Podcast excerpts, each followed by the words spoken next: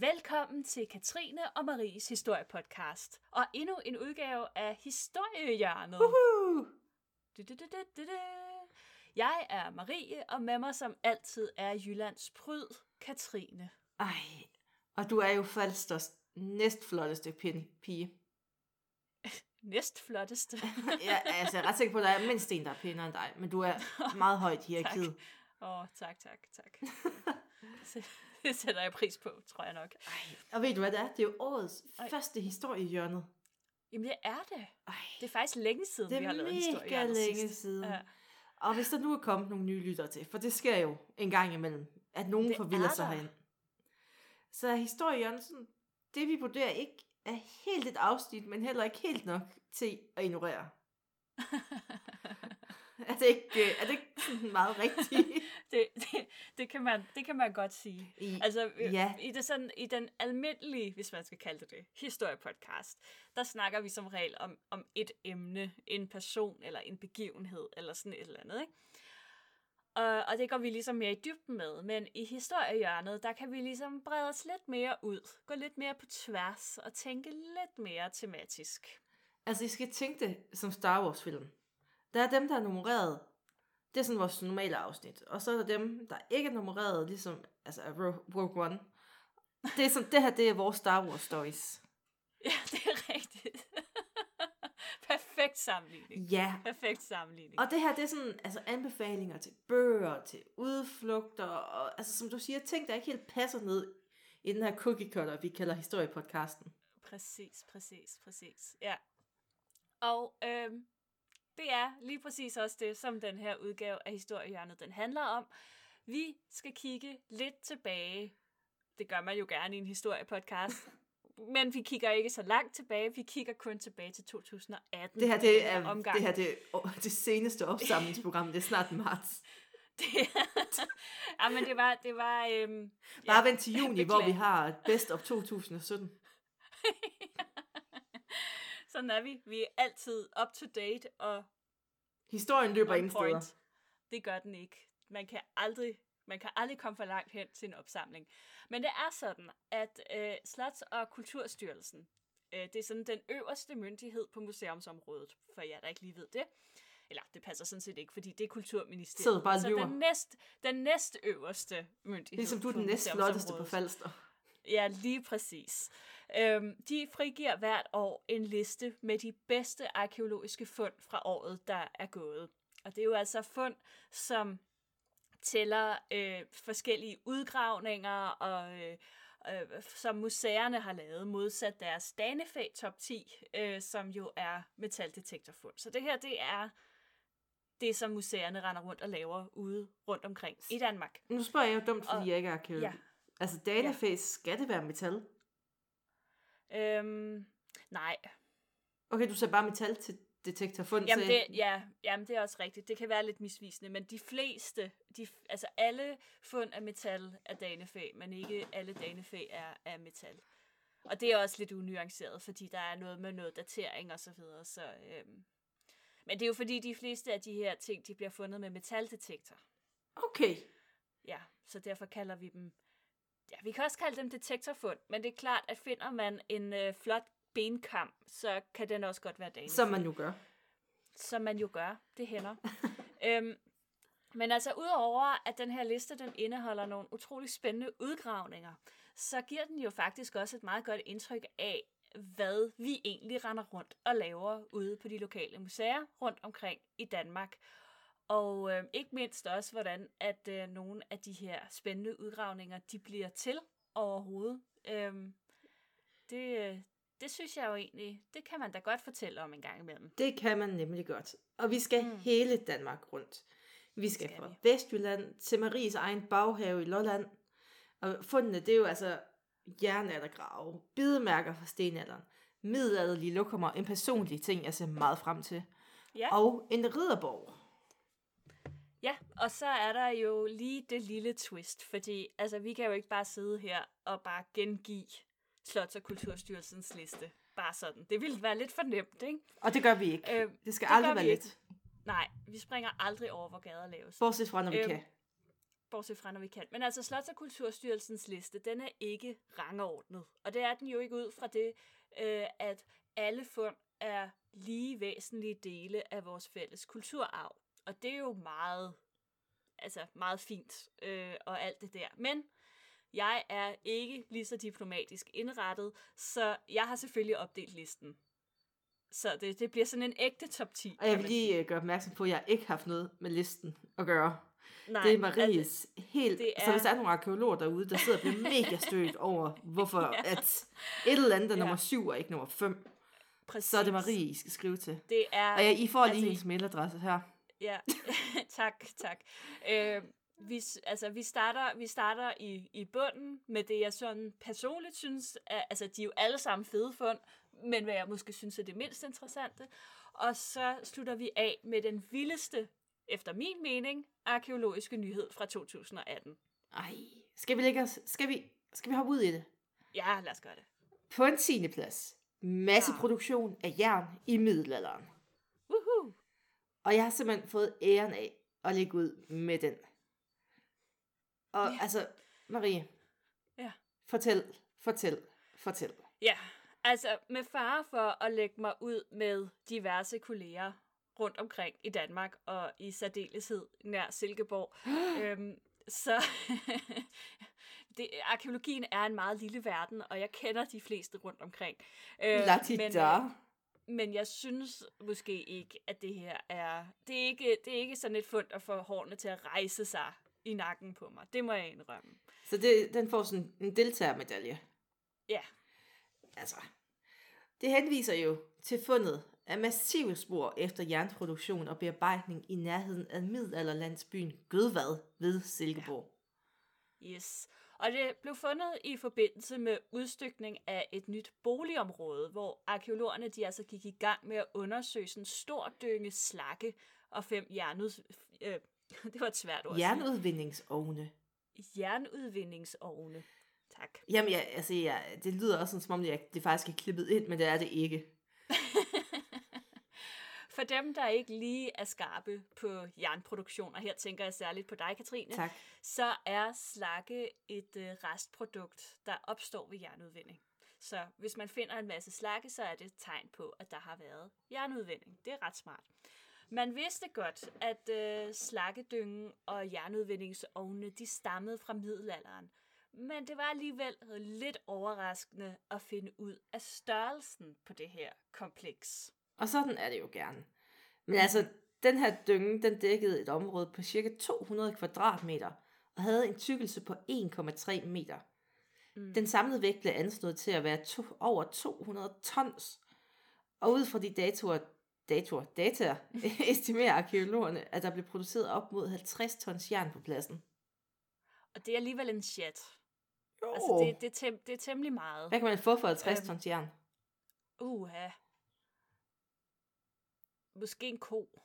Ej, Nej, men altså, det, altså, er det sådan, jeg ved ikke, hvor, altså, hvor meget kunne man få for det? Altså, hvad, hvad, altså man brugte jo til alt i middelalderen, gjorde man ikke? Var det ikke? Ja, altså jern var, jern var jo sådan et, øh, et, et allesteds nærværende materiale, når vi kommer op i middelalderen. Ikke? Så det er jo selvfølgelig både våben, men det er jo også øh, søm og øh, navler og øh, redskaber og øh, julekapsler og alting. Ikke? Altså, Ja. så, så det er jo meget, meget all-round materiale, som altså ligesom i dag kan man i virkeligheden altså vi bruger jo også jern til alt muligt i dag.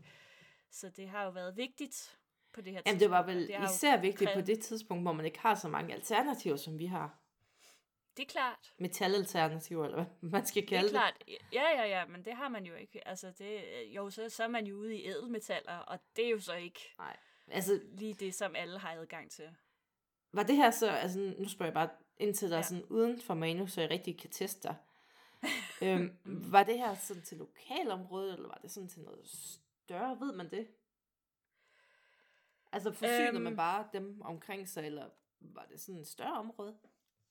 Altså, det er et godt spørgsmål. Det er det nemlig. Men altså, man må i hvert fald regne med, at øh, de har forsynet Silkeborg-egnen mm. Og altså, Silkeborg er jo allerede et sted i middelalderen på det her, altså Ja. det er en by i middelalderen, ikke? Øhm, og, øhm, og, og udover selve byen, så har der jo også været et opland, øhm, og der kan man jo sagtens have haft forsynet hele det område. Vi må jo vente til at finde ud af, om, om man kan, altså man kan jo lave nogle analyser på, på jern. Ja, og se, hvor det stammer fra. Lige præcis. Øhm, og, øh, og, det, og det kan være, at man, at man vil gøre det i fremtiden, sådan at man måske kan se, om der er jern, som er fundet på Sjælland, som kommer herover fra. Uh. Øhm, og det kunne jo være ret sjovt, hvis vi ligefrem har en så centraliseret produktion i, øh, i middelalderen allerede. Så Marie, Ja, hvorfor har det fundet vej til listen, det her fund? ja. Jamen, altså, det kan man jo... Altså, jeg tror, det er størrelsen, der gør det. Øh, arkeologer går meget op i størrelse på ting. Mm. Øhm, men derudover så er jernproduktion i middelalderen egentlig også et emne, som vi ikke ved særlig meget om. Øhm, så, altså problemet med middelalder, det kommer vi ind på senere, det er jo, at meget af det ligger steder, hvor der også er bebyggelse i dag. Så derfor så kan det være svært ligesom at finde den her middelalderlige landbebyggelse for eksempel, fordi de ligger under de nuværende landsbyer og sådan Mm. noget. Og det betyder jo også for eksempel smedjer og den slags.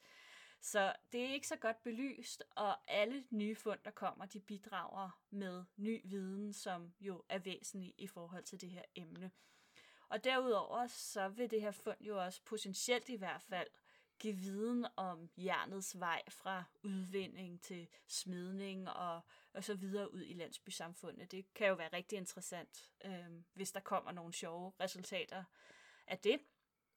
Øhm, og øh, ja, det tror jeg er, det tror jeg sådan er det egentlig. Mega spændende. Det synes Så sk- synes jeg, at vi skal... Ja, jamen, altså... altså i forhold til sådan en benkamp, så synes jeg, at jernproduktion er lidt mere interessant at snakke om. Jamen, det kan godt være, altså det er bare mine egne personlige præferencer, der har gjort, at jeg har lagt det på en 10. plads. Du ved godt, at det, det, jo, det næste opslag, der kommer ind på Facebook, det er min top 10, hvor jeg har omarrangeret det her fuldstændig. det synes jeg bare, du skal gøre. Det synes jeg bare, du skal gøre. Det kunne da være interessant. Nå, vi haster videre, Marie. Ja, ja, ja. Til nummer 9. Skibsbrædet for Køge. Ja, Uha. Og den her gang, der handler det om fundet af et 18 meter langt, ret velbevaret handelsskib fra 1500-tallet i Køge af alle steder. i Køge, ja.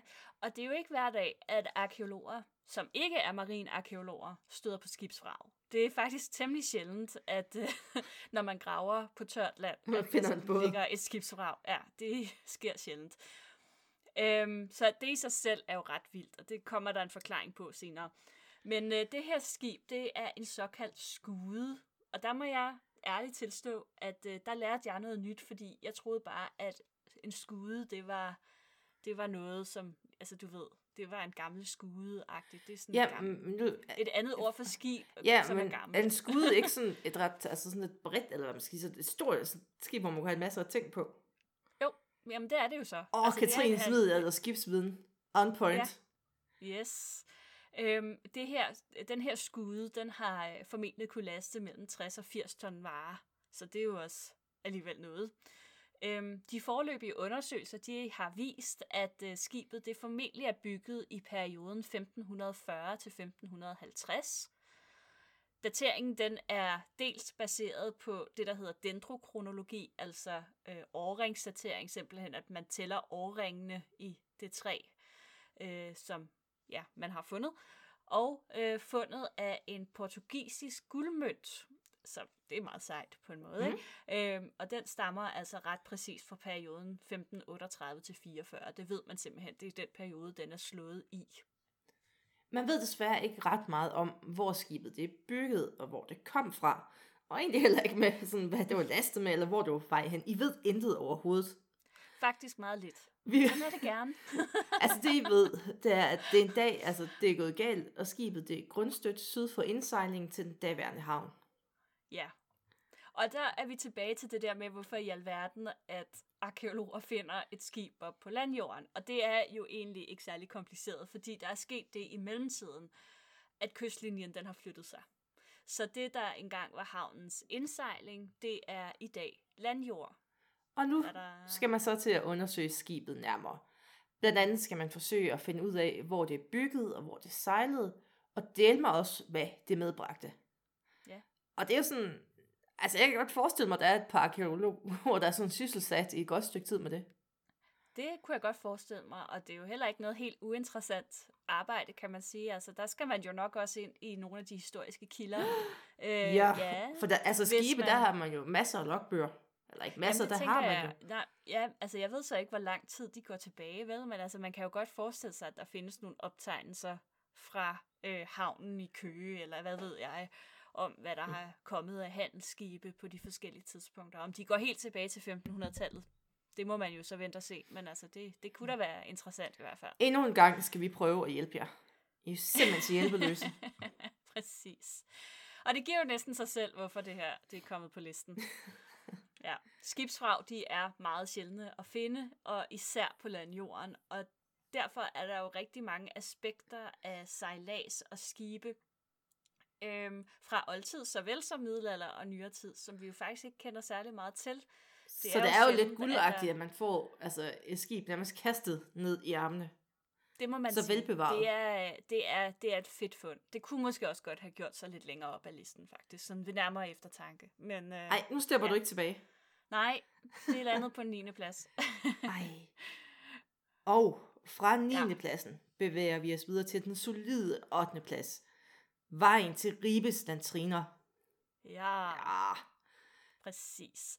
Og den slags er jo altid spændende at finde. mega spændende. Der er ikke nogen, der kan blive så excited som gammelt lort. Altså for gammelt Nej. lort som arkeolog. Det er jo simpelthen i, altså. Ja. Men anyways, i forbindelse med renovering af et byhus i Sortebrødregade i Ribe, så fandt man en vej. Og byhuset det var opført i 1842, men renoveringen viste, at huset havde en meget ældre historie. Fordi under plankegulvene, der fandt man nemlig brolægninger og sylsten og flisegulve og skorstensfundamenter fra de bygninger, som havde ligget der tidligere. Jeg spørger Om- øh, på ja. ja. vegne af dumme mennesker og mig selv. Øh, sylsten, Sylsten er øh, sten, som øh, altså når man bygger et hus. Øh, altså, nu er jeg lidt, jeg, jeg, det er mere fordi jeg ikke er sådan helt sikker på terminologien, men altså de vægbærende stolper Ja. eller tagbærende stolper eller et eller andet. Altså, så hvis nu at jorden har været sådan meget blød i det, så kan man så kan man grave en sten ned og stille stolpen oven på den. Giver det mening? okay, ja. Det kaldes øh, styl- sylsten, og det er noget, man begynder på i, øh, i middelalderen. Og det er noget værre hø, fordi det betyder, at middelalderhuse kan være utrolig svære at finde sådan arkeologisk, fordi at, ja, det er nemmere at finde et stolpespor, end det er at erkende, at et stenspor er noget fra en bygning, og ikke bare naturligt. Nå, men altså mellem to af de her bygninger, som man fandt, øh, der fandt man en brolagt slippe, altså sådan en lille gyde øh, på cirka 1,2 meters bredde. Og den her lille slippe, brolagte slippe, den, øh, den bar tydeligt præg af slid. Og det viste, at man her havde afdækket stien ned til Ribes offentlige latriner. Og man kan sige, det var ikke, altså ikke noget under, at den her gaden var slidt. Fordi Nej. i middelalderen, der havde man sjældent, hvad skal man sige, der så havde man sjældent god mave. Nej, Altså, konstant diarré. ja, fordi at, altså, du fik jo ikke rigtig vand, og ens mad, og man kunne ikke rigtig køle ting, og Nej. der har, der har været gang i den mavemæssigt, kan man sige.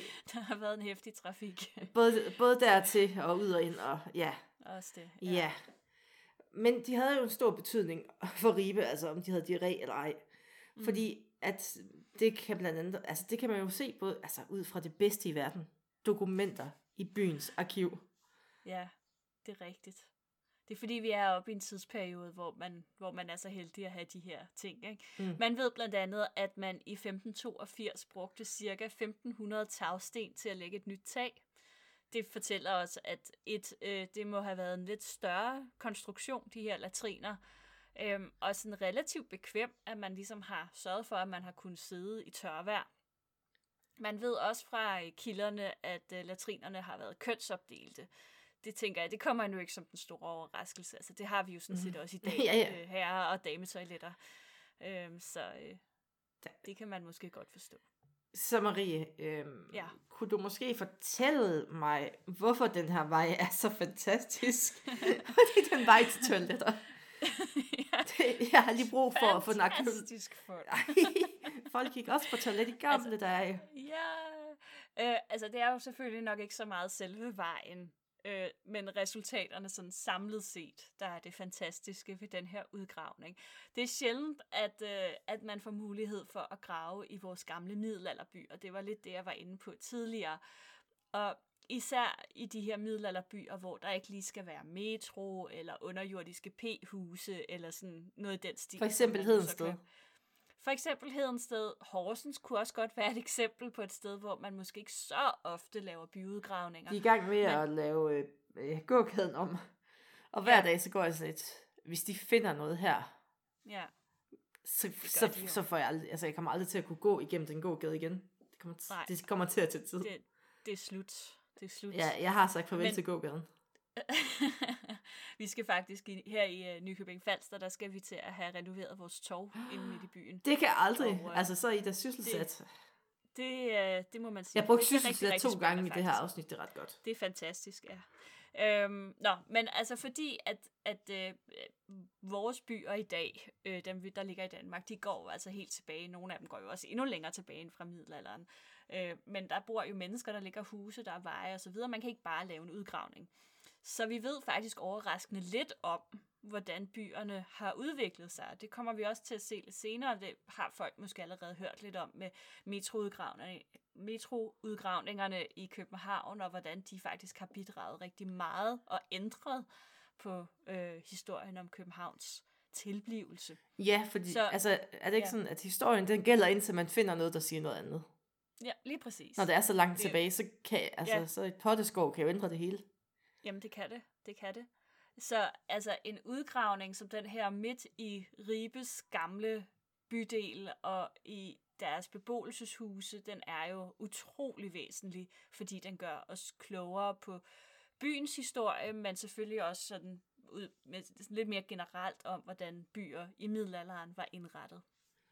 Og nu kommer vi til et punkt, jeg har glædet mig til. Ja. Nummer syv med titlen Når arkeologi og historie taler sammen. Uh, Jeg håbede Ligesom faktisk, det var vores podcast, de ville nævne. ja. Det er årets fund. ja, altså det er jo en yderst sjælden ting, at øh, arkeologi og historie arbejder sammen. Øhm, men det, og det, det er jo ikke af ond vilje, Katrine. For Uanset- vores side er det. Ja, okay. Men ikke fra vores side.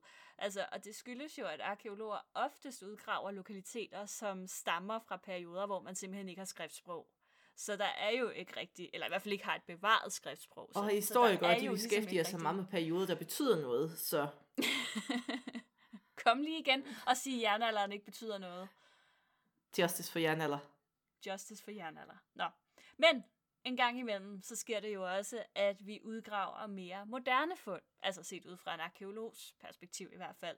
Og det er præcis, hvad der skete ved Skæring nord for Aarhus. Her lå Skæring Munkegård, som i middelalderen tilhørte Øm Kloster. Munkegården var lidt speciel, for det var en hovedgård, som var blevet drevet af lægfolk og ikke munkene selv. Men gården den leverede mad og indtægt direkte til klosteret. Mm, det er dejligt med sådan en gård. Ja. I, I forbindelsen med udgravningen her, der fandt man spor efter både bygninger og brønde, som har tilhørt den her hovedgård, hvis ældste dele, dele går helt tilbage til 1200-tallet. Og gården den var sådan set i funktion i rigtig mange århundreder. Men den interessante historie, den begynder i 1716. Her var der en enke ved navn Maren Thysen, hun ejede gården, og så hun giftede sig i 1718 med sin afdødsmand Skriver. Altså, vi er helt herude der led, som Ja, ja, hed Rasmus Randlev. Ja, det er dejligt. Der Kender du ikke? Altså, så gifter man sig med sin mand Skriver. Jo, altså det, øh, det er perfekt. Rasmus, han var efter sine en hård og ubehagelig arbejdsgiver for de festebønder, som tilhørte hovedgården. Og de besluttede sig derfor for at skille sig af med ham. Først så forsøgte de at skyde ham. Det mislykkedes. Jeg ved ikke hvordan. Altså, det, man er dårlig, dårlig til at ramme, går ud fra. Øh, og så hyrede de så en soldat, som skulle brænde gården ned. Det lykkedes altså at brænde gården ned, men desværre for festebønderne, så overlevede Rasmus. Ja. Ej. Rasmus han opførte i løbet af 1720'erne en ny hovedgård, som festebønderne der også forsøgte at brænde ned. Det er sådan, man er løser sine problemer derovre. Vi skal ikke snakke sammen. Og igen. Bare brænd tingene ned. Og igen, der mislykkes det altså. Det er lige efter Ja, ja, Hella Juice altså, man prøver- det her. Ja, man ja. Brænder lortet ned og prøver forfra. Altså, det, det er jo Præcis. perfekt. Problemet er, at den her gang, så er det kun den ene længe, der brændte.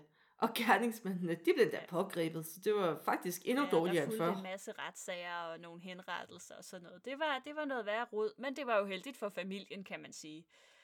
Og øh, det er historien, som den fremgår af kilderne.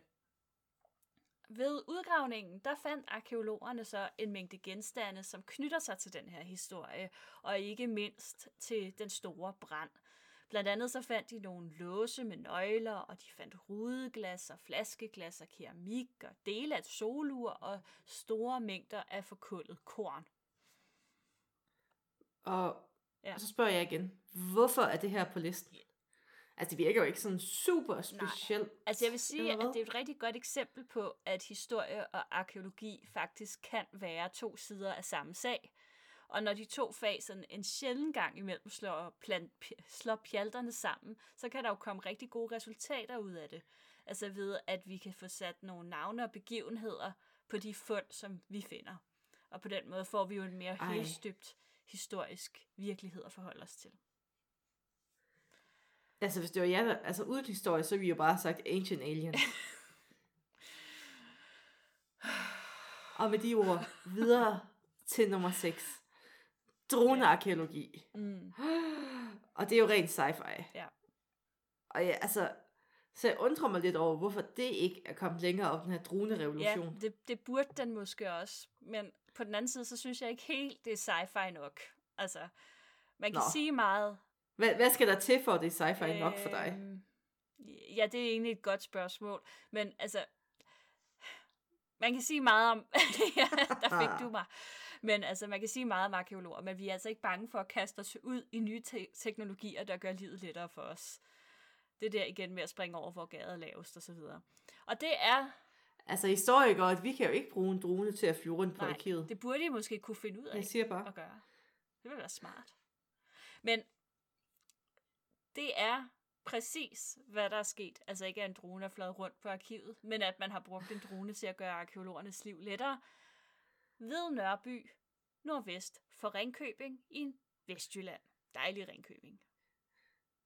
Her skulle man udgrave ikke mindre end 25.000 kvadratmeter. Og jeg er jo lidt skuffet, fordi det er jo, altså, det er jo ikke fordi, at man fik droner til at lave udgravningen. Nej. Det, øh, det er desværre, og det kan man så sige, at det er måske meget heldigt for arkeologernes vedkommende, Øhm, Så monterer sådan en lille Ja. ja. skov på den, så bare flyve den rundt, og så kan sidde robotter, derhjemme. der bare Prøv går rundt på og laver udgravningen. Nej, altså til gengæld så fik man den her drone til at tage hundredvis af oversigtsbilleder, der i detaljer viste alle de arkeologiske spor i området. Og billederne, de blev både brugt undervejs som dokumentation og til opmåling, men de blev også brugt til at danne en 3D-model af overfladen. Og det, som er øh, så specielt ved det her, det er, at det er en helt ny måde at dokumentere en arkeologisk udgravning på. Så det er Ej. et farver... Hvad finder de på næste gang? Det er virkelig spændende, det her. Ej, men altså. Altså bare i løbet, i løbet af... Jeg prøver at, at være totalt op på Ja, men altså, det- altså bare i løbet af min arkeologiske karriere, den er jo immer væk ikke så lang igen. Der er vi jo gået fra, at man tegnede en flade op i hånden, til at man brugte en GPS til at gøre det med, og nu har vi så en drone, der kan gøre det. Altså, det er alligevel en, en udvikling, der er sket inden for en 10-årig periode. Så øhm, Næste gang du skal til mus, så synes jeg, du skal insistere på at blive Jamen dronefører. det, øh, vi har faktisk en drone på museet, og vi har også en dronefører, så øh, desværre var det ikke mig, der blev den.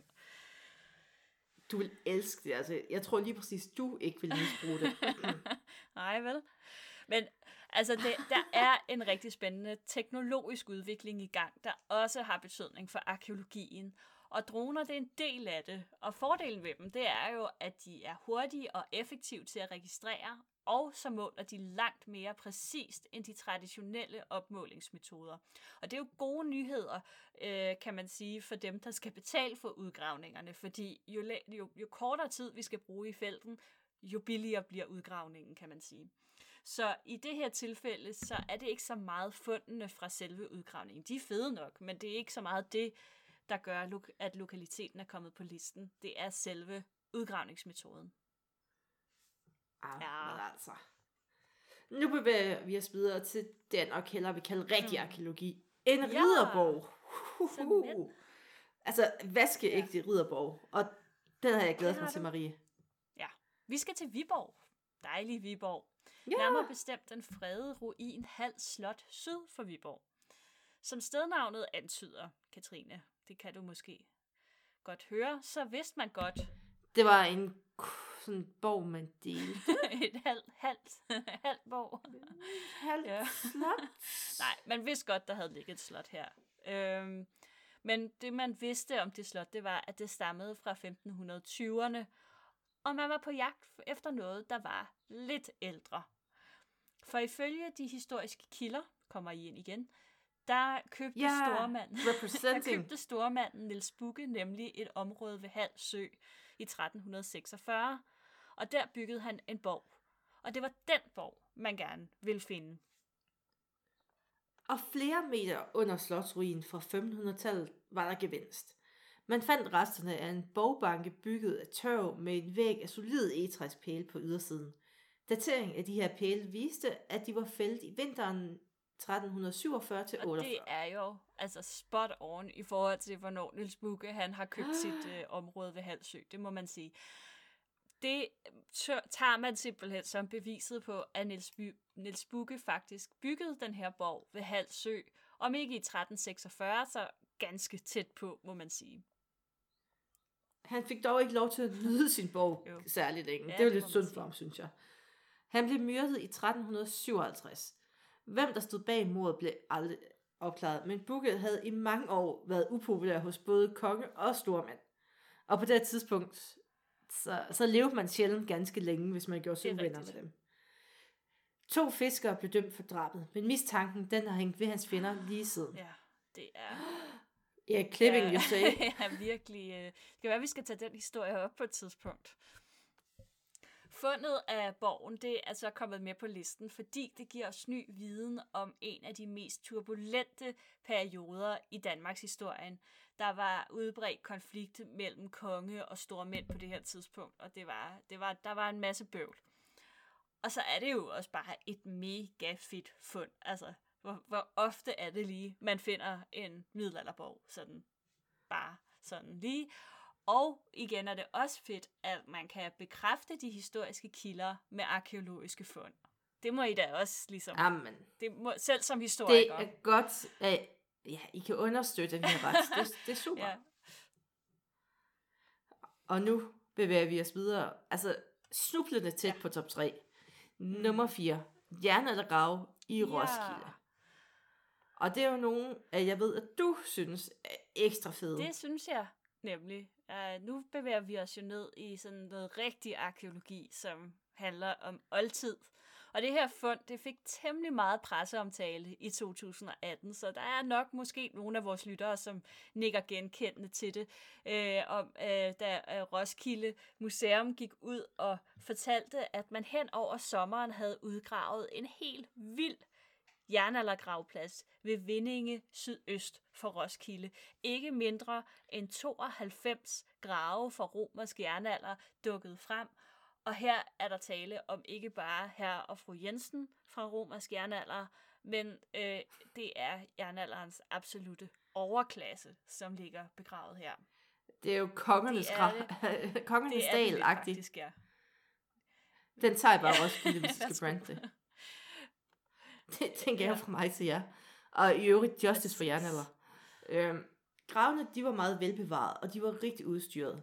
Blandt andet der fandt man eksotisk glas, man fandt perler, dekoreret lærkar, man fandt dragsmykker mm. og guldringen. Altså, ja. det var bare... Altså, det er, det er virkelig dyre ting, de har fået med sig. det er bestemt ikke herre fru hvem som helst, der ligger begravet her. Et af de glas, som øh, blev fundet, det er sådan en ret sjælden type, som formentlig er kommet til Vindinge via Sortehavet.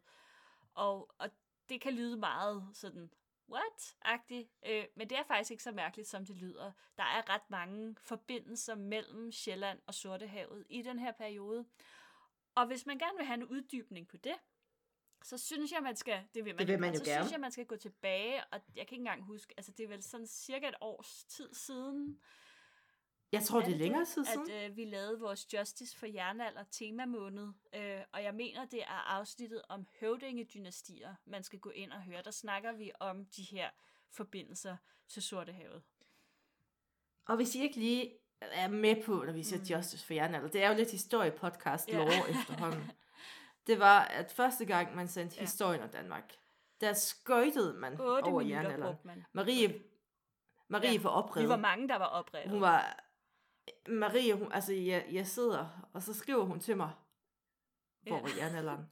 Hvor var jernalderen? Min Facebook, den, den, den sprang ud i, i simpelthen en eksplosionsbrand af vrede arkeologer. det var... Altså, det Jeg boykottede, jeg boykottede historien om Danmark derefter. Man springer bare ikke hen over jernalderen. Og så lavede vi en Ja. temamåned, for ligesom at opveje DR's fejl. Og den hedder Justice for jernalder. Og der er fire absolut fremragende afsnit om jernalderen, der virkelig yder den justice. Ja. Lige præcis. Så hvis I er sådan nogle jernalder nørder, så har vi en temamåned til jer. Kan vi skulle snart lave en temamåned igen om et eller andet? Temamåned om atompumper. Ja. Spørgsmålstegn. Det, det snakker vi lige videre om bagefter, tror jeg. Nå, ja. Fokus på, på gravene. Og altså, nu går jeg ud fra, at det ikke er hver dag, man finder sådan noget Nej, i Danmark. det er det jo ikke. Det er et super fedt fund, og især når man er glad for jernalderen, ligesom jeg er. Men det er også et rigtig fedt fund, fordi Roskilde Museum har igennem flere år gravet i området omkring Vindinge, og i den forbindelse har de fundet andre gravpladser og bopladser, som helt sikkert skal kædes sammen med det her fund. Øh, og man mener, at, øh, at hele området omkring Vindinge simpelthen har været et magtcentrum i romersk jernalder. Så det bliver virkelig, virkelig spændende at se, hvad der kommer af nyt herfra øh, i den kommende tid. Jamen, det bliver Ja. mega godt. Og nu kommer vi til Ja. tredjepladsen. Og nu er jeg lidt skuffet, for jeg tror ikke, det er for bronzealderen, Nej, det her. det er det ikke. Så bronzepladsen er ikke fra Nej. bronzealderen, men fra bronze. det er rigtigt. ja. og det er jo en flot tredjeplads, trods alt. Og den gives til en lærskive med bidemærker om en sanden, om den ikke kommer fra dit område, Marie. Er det noget nepotisme, Men vi er altså, ude i? jeg har det jo lidt sådan, at jeg kunne ikke placere den på førstepladsen. Det ville blive lidt for mærkeligt. Øh, det er jo trods alt min egen arbejdsplads, der har leveret det her fund. Øhm, så, øh, men, men på den anden side, så synes jeg nu også, at det er en færre førsteplads, jeg, jeg nu har øh, placeret. Jeg, jeg synes, det er okay med en tredjeplads til det her fund. Øhm, det er jo ingen andre end mine, min egen kære kollega, som har frembragt den her lille dims ved Lidsø på det sydlige Lolland. Der er tale om et skov fra en lærskive, som har tandaftryk fra et menneske. Den blev fundet på en lokalitet, hvor man i bundestenalderen rendte rundt og lavede nogle ret gådefulde ting. Tandmærkerne viser, at det er tænder fra et menneskes undermund, og man højst sandsynligt, altså det er lavet ved, at man uh, trykker det, altså mm. en våd lærskive mod tænderne, før det bliver brændt. Ikke efter det blev brændt, så knaser det. og tænderne knækker muligvis. Der har været ret mange spekulationer om, hvordan og hvorfor man har gjort det her. Øhm, også om, altså om det bare har været til pynt, eller om der ligesom er en eller anden symbolværdi i det. Man har diskuteret, når jeg siger man, så er det jo så også på museet. Øh, det har været diskuteret, om personen, hvis tænder er blevet brugt, har været i live, eller har været død, øh, da det er sket. Og derfor så sendte mine kollegaer den her lerskive til en retsodontolog inde i København, som analyserede mærkerne og konkluderede, at der var tale om en voksen, men dog lille person, formentlig en kvinde, der har lavet tandmærkerne. Og retsodontologen mente også, at øh, kvinden har været i live, eller har været meget øh, nyligt død, fordi der sker det, at når man dør, så øh, bliver tænderne simpelthen, de kommer til at sidde løst i, i kæben. Øh, så øh, altså havde det været en, en død kæbe, kan man sige, hvis det giver mening, som havde været udsat for det her, så var tænderne simpelthen, altså så havde man kunne se, at tænderne ville give sig, når den her lærskive blev trukket ned over den. Og det er bare tandmærket altså ikke præg af. Altså, ja, altså, man var også underlig. Det var man, og især i bundestenalderen. De er Men, meget, meget mærkelige på det her tidspunkt. Der var nogle underlige ritualer. De havde et meget, meget afslappet forhold til knogler og død. Skal vi sige det sådan? Ja. Ja, ja, ja, ja, men jeg synes også, det er underligt, at man så altså ikke bare beholdt kæben, og så, i stedet for at lave et aftryk. Men altså, det kan jo også være, at det er en levende person, men, men altså, så er det jo bare en levende person, der har fået stukket sådan en våd lærskive ind i munden og presset den ned. Åh, oh, det er ligesom, når man skal have taget øh, aftryk ja, til, når man skal have bøjle på. det er i virkeligheden det, det handler om. Åh, oh, tænk, hvis man fik tandregulering øh, oh, i ja. bundestenalderen. Selvfølgelig. Det synes jeg, det er noget, du det godt kan gå videre med. Det straks bringe videre til, til min kollega, ja. Og, øhm, og så sidder du jo selvfølgelig og tænker, men hvorfor skal... Ja, hvorfor skal den på listen, altså? Altså, der er nogen, der har bidt i lær, det gjorde ja, jeg også i børnehaven. Men altså, det er jo fantastisk, fordi det er 5.000 år gammel, og den bringer os jo helt tæt på fortidens mennesker, som ellers ofte er helt forsvundet fra os. Det er meget sjældent, at vi finder sådan nogle håndgribelige spor efter mennesker. For det andet, så er det jo et, et, sådan et ret sjældent fund, men det er faktisk ikke sådan helt ukendt fund, og ikke på Lolland især. Det er faktisk den tredje lærskive, man finder på Lolland med de her tandmærker i. Åh, oh, der er 100% været ja, det er meget, meget mærkeligt, men der, altså, generelt fra Danmark kendes der også en håndfuld af den her type, så, så det er, altså, det bliver spændende at se, hvad øh, min kollega han sidder og er i gang med efterbearbejdningen af det her, og, og tolkningen af den her lokalitet som helhed, og det bliver rigtig spændende at se, hvad der kommer ud af det. Og fra det bevæger vi os videre til andre ja, døde mennesker. Døde mennesker. På en flot anden plads. Københavns ældste ja. kirkegård. Mm. Og det er sådan en dejlig håndgribelig. Ja, det er... Endnu flere døde. Præcis. Det er det, jeg godt kan lide. Og altså, der har jo igennem de sidste år efterhånden været utallige spændende udgravninger i København. Hovedsageligt som en del af metrobyggeriet. Og de her udgravninger, de har jo løftet sløret for Københavns historie og rykket nogle opfattelser, fordi arkeologien ikke altid, Katrine, bekræfter de historiske kilder. Jeg kunne simpelthen ikke høre, hvad du sagde der. Ligesom med Ribe, der er det jo også sådan, altså det er jo svært at lave udgravninger ja. midt i en by. Det er meget sjældent, du får lov til at grave Københavns centrum op. Det er sådan Rådhuspladsen og Kongens Nytorv og så videre. Det er ikke... Ja, det skaber sådan lidt dårlig stemning, når man det, som arkeolog kommer ud og vipper nogle fliser ja, op der og, og, ikke og lukker det. så er det jo også hundedyrt altså at, få, at lave udgravninger sådan nogle steder. Men resultaterne er jo alt besværet værd. Traditionelt så har man fortalt, at København først bliver til, da biskop Absalon opdager, overtager et øh, lille, undseligt fiskeleje og bygger en borg på stedet. Men den her teori, den bliver nu udfordret af de arkeologiske fund. Ja, fordi de arkeologiske fund, de stemmer ikke helt overens med det her billede af et lille fiskeleje, hvor der bare altså, mm. sker natter. Meget tyder på, at der var tale om, at København det var en by af sådan en vis størrelse allerede i 1000-tallet. Ja, og den her konkrete udgravning fra 2018, som har fundet vej til listen, den fandt sted lige ved Københavns Rådhusplads. For folk, som er sådan øh, meget lokale, så var det der, hvor at øh, natbussen øh, holdt i gamle dage, så lige sådan for enden af Rådhuspladsen. Og her fandt man ikke øh, kun mere end 70 velbevarede grave, både mænd, kvinder og børn, men man fandt faktisk også fundamentet til en kirke og sporene efter klokkestøberi. Fundet det dateres til første halvdel af 1000-tallet, og dermed er det jo meget ældre end både Absalon og hans borg. Ja. Men vent, uh. der er mere. For kirken og kirkegården er samtidig altså, med, altså med et andet ja. kirketomt St. Clemens Kirkegård, som bliver fundet omkring 100 meter fra Ja, det Rådhuspladsen. er jo efterhånden en del år siden, at øh, den, øh, den blev udgravet, og det var i forbindelse med, at man rev en bygning ned på strøget, der hvor at øh, det gamle diskotek Absalon lå, den bygning, blev revet ned, og øh, inden man kunne bygge noget nyt op, så skulle der jo altså være udgravning.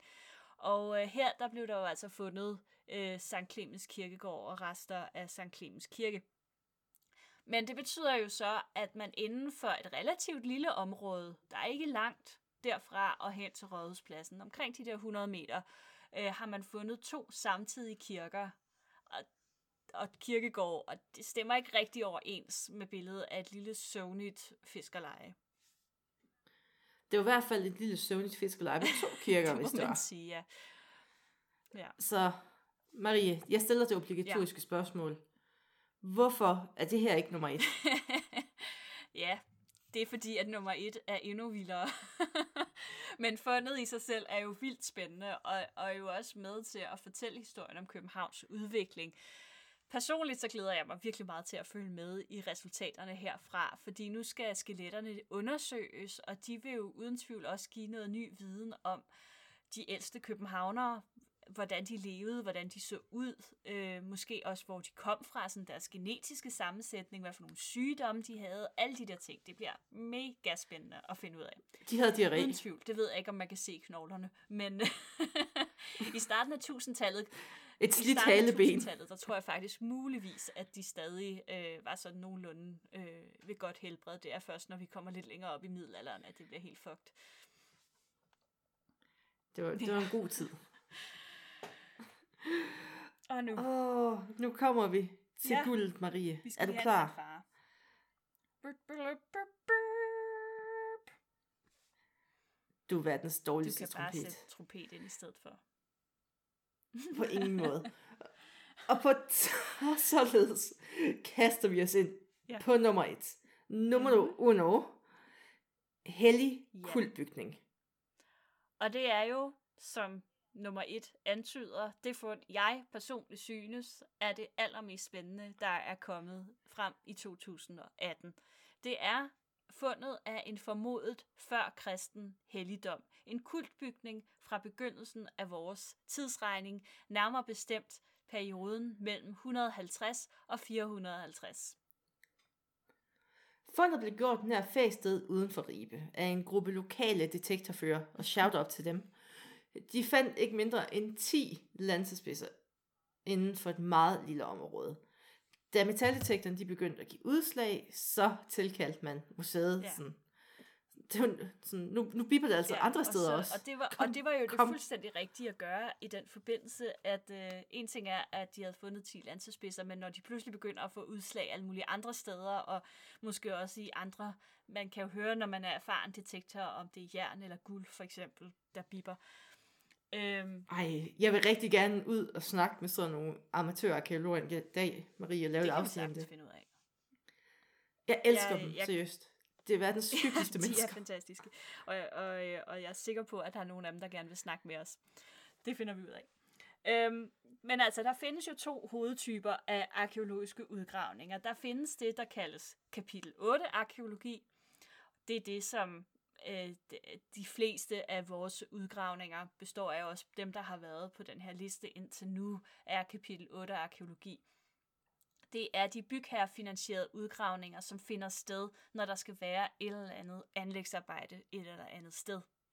Den anden type, det er selvfinansierede udgravninger, hvor museet, underforstået staten, øh, selv betaler for udgravningen. Det kan også være Slots- og Kulturstyrelsen, der for eksempel går ind og øhm, øh, giver penge til, hvis der er en dyrkningstroet lokalitet, som vi kalder det. Hvis man kan se, at der bliver pløjet en masse ting op lige pludselig, så vurderer man, at nu skal man altså udgrave det her for at redde det, inden det bliver ødelagt fuldstændig af, af ploven. Dem er der ikke så forfærdeligt mange af, de her udgravninger, fordi så mange penge har museerne altså ikke. Øh, men de kan jo være en mulighed, øh, hvis der for eksempel bliver fundet noget spændende med metaldetektorer. Vi har selv på mit museum været ude i forbindelse øh, to gange, kan jeg huske, tre gange faktisk, har vi været ude og lave sådan nogle udgravninger i forbindelse med, at, at der er blevet fundet nogle spændende metaldetektorfund, så er vi ligesom kommet ud og gravet efter for at se, hvad, om der var mere for det første, men også i hvilken sammenhæng de her fund måske har ligget i. Øhm, og som sagt så også, hvis man vurderer, at, at lokaliteten er ved at blive ødelagt af, af, af pløjning, øhm, så, øh, så kan man også gøre det. Og, og det var det, der skete her. Det er det, der hedder en dyrkningstroet lokalitet. Det er sådan en meget teknisk betegnelse. Tak, tak. Nå, kan vi komme tilbage til lansespidserne? Er I stadig vågne? ja. Hvad så internet? Er I der? I alt der fandt arkeologerne op mod 50 lanser og spyd, to bukkede svær og to bunker med guldstykker, der var brudt i mindre stykker, kan man sige. Det hele det var placeret i det, der viser at være resterne af et hus. Og lanserne de var ligesom stukket ned i jorden omkring to af de stolper, der har været en del af husets bærende konstruktion. Guldet det var gravet ned ved nogle af de andre stolper, og det samme det var sværene. Uden for huset, der fandt arkeologerne flere metalgenstande af bronze, blandt andet beslag fra vogne og sporer, altså sådan du ved, sådan nogle, der kan sidde på, altså, til, til ridning. Og resterne af et såkaldt pragtbælte. jeg elsker jeres klassificering. et du har pragtbælte. Ikke et pragtbælte? Altså, er vi ude i noget med et fancy bæltespænde? Ja, ja, ja. Og måske det er sådan hele bæltet bare lavet af sølv og guldbeslag, eller sådan noget den stil. Det var et stort ja, ja. bæltespænd.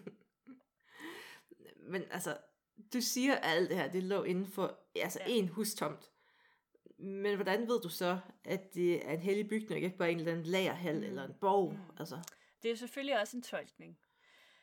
Men måden, som alle de her genstande var placeret på, altså typen af genstande, og ikke mindst det, at flere af genstandene var ødelagte, det peger i retning af, at der var tale om nogle rituelle handlinger.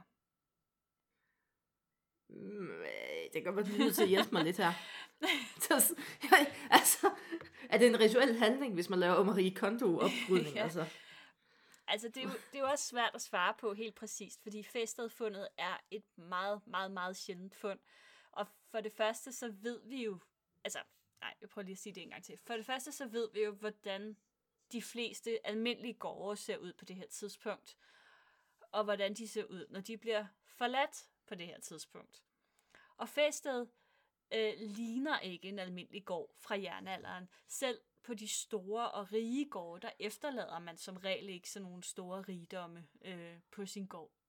Desuden så er der nogle enkelte lokaliteter på Bornholm og i Sverige, som faktisk ligner den her lokalitet ret meget. Og de er begge to tolket som kultbygninger. Så det, man kan sige, at det er lidt en ringslutning. Det vil jeg godt øh, være med til. Men sådan er arkeologi altså nogle gange. Det er et gæt, men et kvalificeret gæt, baseret på sammenligning med andre fund. Og øh, sådan, det er også i forhold til noget med det her, at, at fundene er ødelagte. Det, det ser vi ofte, når, når ting for eksempel også bliver puttet i moser i de store våbenoffringer og sådan noget. Det er jo klart, at man smider de der ødelagte ting ud. Ja, det kan man altså. se. Ja, ja. Så, altså, hvis det var noget specielt, havde man nok ikke smidt det ud. Nå, for ja. en god ordens skyld. Hvorfor er det her nummer Jamen, det er jo det er jo et vildt spændende fund, som ikke tidligere er fundet i Danmark. Det bidrager til en helt ny forståelse af jernalderens samfund, og, og hvordan at man inden, inden kristendommens indførelse har, øhm, hvad skal man sige, bedrevet religion. Det er ikke den helt rigtige måde at sige det på, men altså udført, eller dyrket, dyrket religion, ja, eller sådan, det ved vi ikke særlig meget om, hvordan man gjorde øh, i jernalderen. Så derfor er det enormt spændende, at der dukker sådan nogle ting her op, der kan give os nogle flere nuancer øh, på det. Og så er det bare, altså generelt set, mega fedt, at der stadig kan dukke helt nye fundtyper op, der nuancerer vores viden om oldtiden. Man skulle jo tro, at vi efterhånden havde fundet det hele. Men det har vi ikke, åbenbart. Ja, sådan som I graver Præcis, hele tiden. Ja. Altså, hvis I har taget lidt sammen, så kunne jeg kortlagt det hele på en måned, tror jeg. Og med de ord, slut for historien den her gang. Tak fordi I lyttede med. thank you